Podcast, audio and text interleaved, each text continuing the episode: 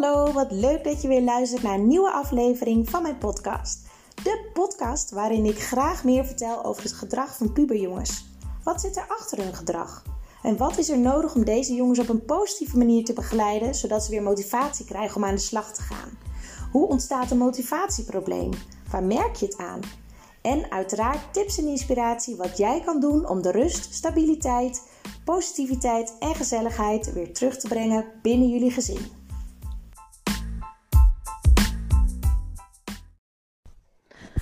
Hallo, weer een nieuwe podcast en deze keer is onderwerp broers, zussen. Of broertjes of zussen. Ehm, want ik merk dat ik in mijn praktijk kom ik dat steeds meer tegen eigenlijk. En ik ken het ook van mijn eigen gezin hier thuis. Ik heb twee zoons en uh, nou, daar is ook wel eens wat gedoe tussen. Ja, dan kan je denken, wat heeft dit nou weer met motivatieproblematiek te maken? Nou, heel veel. Het is namelijk zo dat als een, uh, een kind een motivatieprobleem heeft, of een tiener, dat er altijd een oorzaak onder ligt. Een motivatieprobleem is een gevolg en geen oorzaak. Dat is niet voor niks de slogan van mijn praktijk. En als er een, eh, een, een, tiener bij mij in de praktijk nieuw komt, het eerste gesprek, dat noem ik altijd aftrap, is eigenlijk uitzoeken: oké, wat gaat er goed en wat gaat er niet goed? En met wat er niet goed gaat, bedoel ik echt wat de tiener zelf vindt dat er niet goed gaat. En daar gaan we op in. En heel vaak komt daar ook gedoe met broers of zussen bij kijken. En er is ook een verschil tussen um, alleen maar jongens onderling of een jongen en een meisje of twee meiden. Um, zo is het vaak zo als een uh, meisje de oudste is, uh, dat die vaak wat gaat moederen bijvoorbeeld. He, dat voelt dan als een tweede moeder. En dat is, nou ja, dat is natuurlijk niet wenselijk. Uh, als het twee broers zijn, dan is het heel vaak een, een, verschil in karakter bijvoorbeeld. En dat is met zussen trouwens ook zo, zussen onderling. En met een verschil in karakter bedoel ik, uh, het kan zijn dat een van de twee veel makkelijker vrienden maakt. Of, uh, nou, ik heb zelf ook een zus. Ik heb vroeger vond ik altijd mijn zus veel knapper dan mezelf. En altijd mooiere kleding, altijd mooiere make-up, altijd mooier haar. Dus dat is eigenlijk een soort van jaloezie was daar. Dus ik herken dat zelf ook wel uh, van vroeger. En dat zie je ook wel bij uh, de broers en zussen nu. En dat kom ik ook in mijn pra praktijk tegen in gesprekken. Dat, dan vraag ik wel eens, oké, en jullie hebben dan ruzie. Wat is het verschil tussen jullie? Heel vaak is het zo dat degene die uh, vervelend doet, bijvoorbeeld een ander niveau doet. En dat kan dus betekenen dat er een bepaalde jaloezie is. Dat als je broer of zus, dat die uh, bijvoorbeeld VWO doet en jij zelf doet HAVO of MAVO. Dat je het idee hebt dat je daardoor minder waard bent. Wat natuurlijk helemaal niet zo is, maar dat is een gevoel. Helemaal als ouders, voor hun gevoel, hè, ouders heel erg benoemen dat die ander zo'n goed niveau doet. En dat ze het gevoel krijgen dat hun ouders eigenlijk trotser zijn op het kind die een hoger niveau doet. Het kan ook zijn dat een van de twee uh, veel makkelijker is met vrienden krijgen. Dat hij een groep vriendinnen heeft of vrienden heeft. En ja, dat jij dat eigenlijk helemaal niet zo hebt. Misschien heb je de behoefte ook minder. Uh, misschien vind je het wel fijn om wat meer op jezelf te zijn. Maar toch zie je die verschillen. En wat ik heel erg merk is dat er ook vaak angst is dat ouders dus meer van de een houden dan van de ander. En ook dat diegene dan voorgetrokken wordt. En dat jij dan veel meer uh, negatieve aandacht krijgt. Veel beperkter wordt in de mogelijkheden. En ik zie dat hier thuis met mijn zoons ook wel. Um, een van de twee die is gewoon wat, wat, ja, wat relaxter. Die heeft wat minder moeite met, uh, met tegenslagen. En de ander die, die vindt dingen heel snel heel spannend en, en ja, is echt van slag als er een, een, een, uh, ja, een tegenslag is, zeg maar. En dat zien ze van elkaar.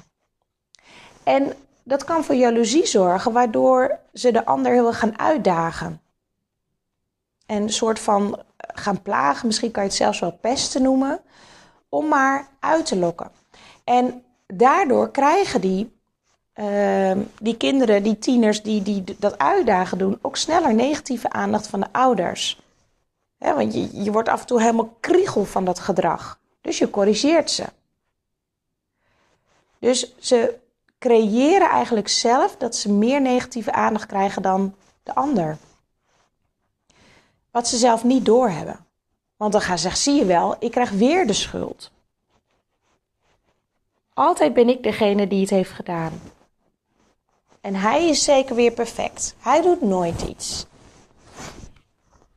En, en nou ja, dat is een heel ingewikkelde situatie voor de jongeren, maar ook voor de ouders. Want je merkt dat het zo gaat. En ouders worden helemaal gek van die strijd onderling. En daarom neem ik eigenlijk deze podcast op, want onderschat dit niet. Bedenk eens als er veel gedoe is thuis, met de een en niet met de ander, waar dat door komt. Wat ook namelijk heel vaak zo is, als een van de twee kinderen wat moeilijker is in gedrag of wat meer negatieve aandacht vraagt, dat de ander automatisch al meer sociaal wenselijk gedrag laat zien.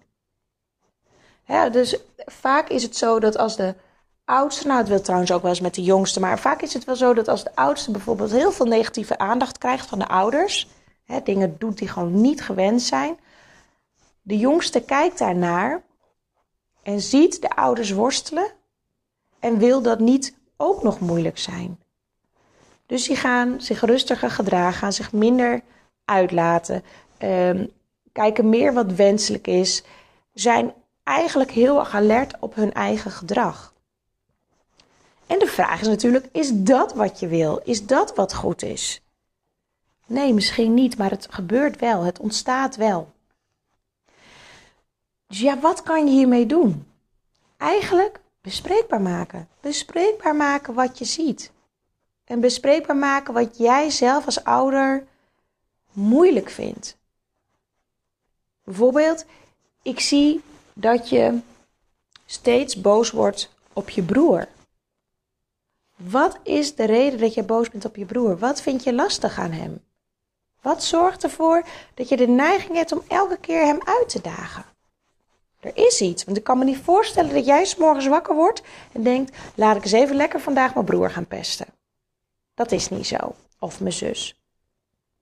Er is iets wat in het kind getriggerd wordt, waardoor die die bepaalde houding aan gaat nemen. Dus ga het gesprek eens met elkaar aan. En het liefst één op één zonder dat de ander erbij is. En misschien heb je zelf een ervaring. Zo ik de ervaring met mijn zus heb van vroeger. Ik, ik vertel dat wel eens aan, aan mijn jongens. Dan zeg ik van ja, ik was eigenlijk altijd heel jaloers op je tante. En dat geeft hun namelijk ook de ruimte om, om zelf eens te voelen, ja, wat voel ik? En vaak stellen ze ook veel meer vragen aan. Ja, en hoe, hoe doe je dit dan en hoe doe je dat dan? En daar open over praten. Dan merk ze, oké, het is niet raar wat ik voel. Maar het is misschien ook niet helemaal nodig. Het is ook niet helemaal terecht. Ik ben anders dan mijn broer of mijn zus. Maar dat betekent niet dat dat minder is. Ik ben goed hier en hierin. En hij is er daar goed in. Ik heb hier weer moeite mee. En hij daarmee. We kunnen van elkaar leren. We zijn verschillend en dat is oké. En ik merk dat ouders vooral balen van de ruzies en eigenlijk niet echt verder kijken dan dat. En heel vaak zeggen, ja, dat hoort nou eenmaal bij broers en zussen. Ja, op zekere hoogte wel natuurlijk. Hè. Het een beetje, een beetje elkaar uitdagen en een beetje strijden en, en, en ja, broers-zussen conflictjes. Tuurlijk hoort dat er een beetje bij. is ook een beetje oefenen met, met ruzie maken, goed maken, uh, voor jezelf opkomen in een veilige omgeving. Maar het kan niet zo zijn dat het elke dag de sfeer in huis bepaalt. Of dat één van de twee dat heel erg doet en de ander helemaal niet. Dan is er ook iets scheef. Dan is het ook de vraag: degene die niet voor de strijd zorgt, voelt hij de ruimte om zichzelf te zijn? Voelt hij de ruimte om ook af en toe eens dwars te zijn? Of heeft hij het idee dat hij niet ook nog moeilijk mag doen? of is hij bang om, om uh, niet goed genoeg gevonden te worden, omdat hij dat denkt te zien dat ouders dat naar het andere kind voelen? Ja, je, kent het waarschijnlijk zelf ook wel als ouder. Tenminste, laat ik het bij mezelf houden. Ik ken het ook als ouder. Dat als je met een van de twee kinderen, als het even een periode is die wat minder lekker gaat, dat je heel veel aandacht eigenlijk aan dat ene kind geeft. En je weet dat je nog een ander kind hebt, maar op een of andere manier, die houdt zich gedijs. Dus al je energie gaat eigenlijk in degene zitten die het ja, moeilijk heeft of moeilijk doet of, of whatever. En heb je eigenlijk ook het gevoel dat je, dat je tekort schiet bij, bij het andere kind. Dit zijn allemaal signalen dat er dus wat aan de, aan de, aan de hand is en dat er ja, onderzocht mag worden wat dat eigenlijk is, waardoor het allemaal een beetje scheef gaat en niet helemaal zoals je wil of zoals de kinderen het liefst zouden willen. Ik vind het zelf wel een interessant thema, want ik heb steeds meer gemerkt, zowel bij jongens als meiden, dat dat, dat, dat heel bepalend is. ze zien natuurlijk ook bij anderen uh, die broers of zus hebben dat het anders kan. Dat het, dat het niet altijd alleen maar zo strijd hoeft te zijn. Dat je ook elkaar kan helpen. En dat je elkaar kan beschermen bijvoorbeeld. En dat kan heel alleen voelen als jij dat niet op die manier hebt of ervaart. Ehm, dus maak het bespreekbaar. Er is altijd een reden. Als er echt heel veel strijd is, is er altijd een reden. En er is altijd een van de twee heel onzeker. En ja, nogmaals, degene die, die het makkelijkst lijkt, daar zit ook veel meer achter. En uiteindelijk zijn dat misschien wel de pleasers, hè? Om maar voor te zorgen dat er goede vrede bewaard wordt. Dat er niet nog meer ruzie komt. Nou ja, en dat vraagt ook heel veel energie. Dus eigenlijk de strekking van deze podcast is: heb het er met elkaar over. Benoem wat er gebeurt. Zeg: oké jongens, ik zie dat dit nu weer gebeurt. Er ontstaat een ruzie. Ik weet niet waarom. Ik weet ook dat we dit allemaal niet willen. Het liefst willen we het gewoon gezellig hebben met elkaar. Het liefst, liefst willen we gewoon rust in huis. Met z'n allen gezellig beneden op de bank kunnen zitten, wat lekkers eten en een filmpje kijken.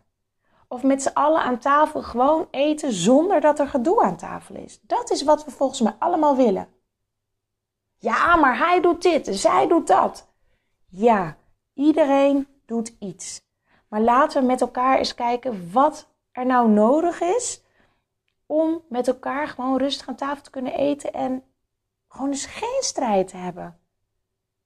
Gewoon eens ontspannen met elkaar te zijn, naar elkaar te luisteren. Naar elkaar luisteren om te begrijpen, niet om te reageren. Heb oog voor elkaar en, en kijk eens wat voor moois een ieder heeft. Wat ook een hele mooie oefening is, is om elke dag drie positieve punten op te schrijven voor elk kind. Wat ze goed hebben gedaan. Waar je van geniet en het kunnen hele kleine dingen zijn. En ik heb dit dus al eens eerder verteld op een informatieavond.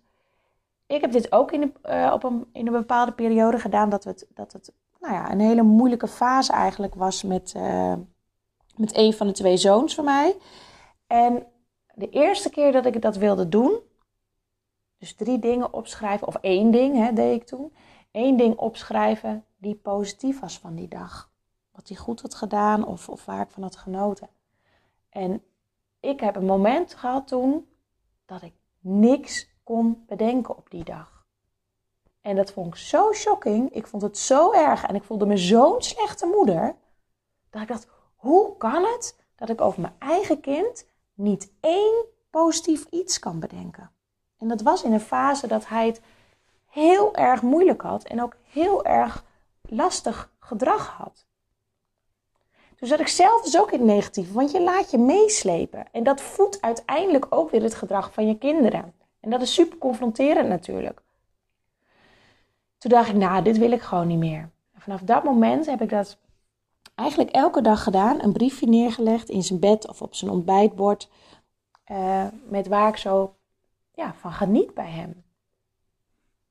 En hij vond dat heerlijk. En ik deed dat bij allebei de kinderen en ook bij mijn, bij mijn man. En het zorgt namelijk voor verschillende dingen. Het zorgt ervoor dat je zelf meer de focus legt op wat positief is. Dus gedurende de dag vallen positieve dingen je meer op.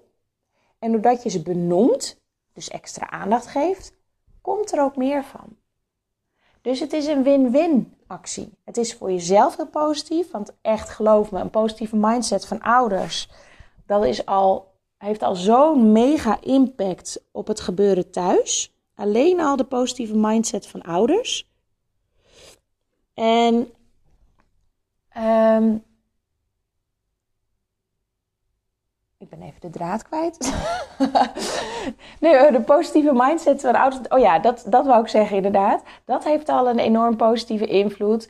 Um, dat voelen de kinderen ook, waardoor die zich ook positiever gaan voelen en ook meer, ja, eigenlijk zou ik bijna zeggen, gewenst voelen.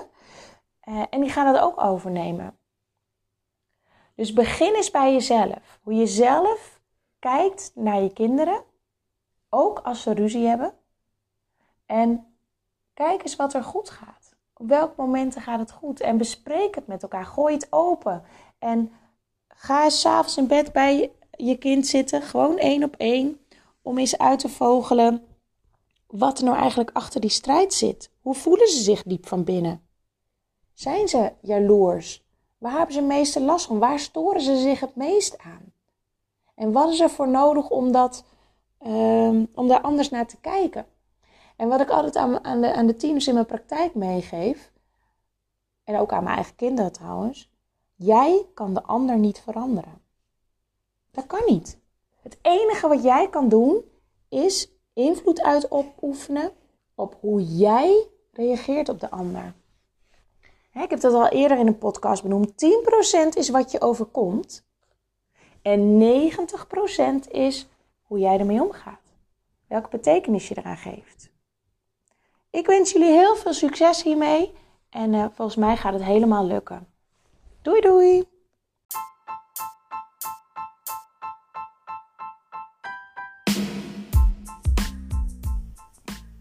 Dit was weer een aflevering van mijn podcast. Heel erg leuk dat je hebt geluisterd en ik hoop dat jullie weer een stukje wijzer zijn geworden rondom het thema puberjongens en motivatieproblematiek.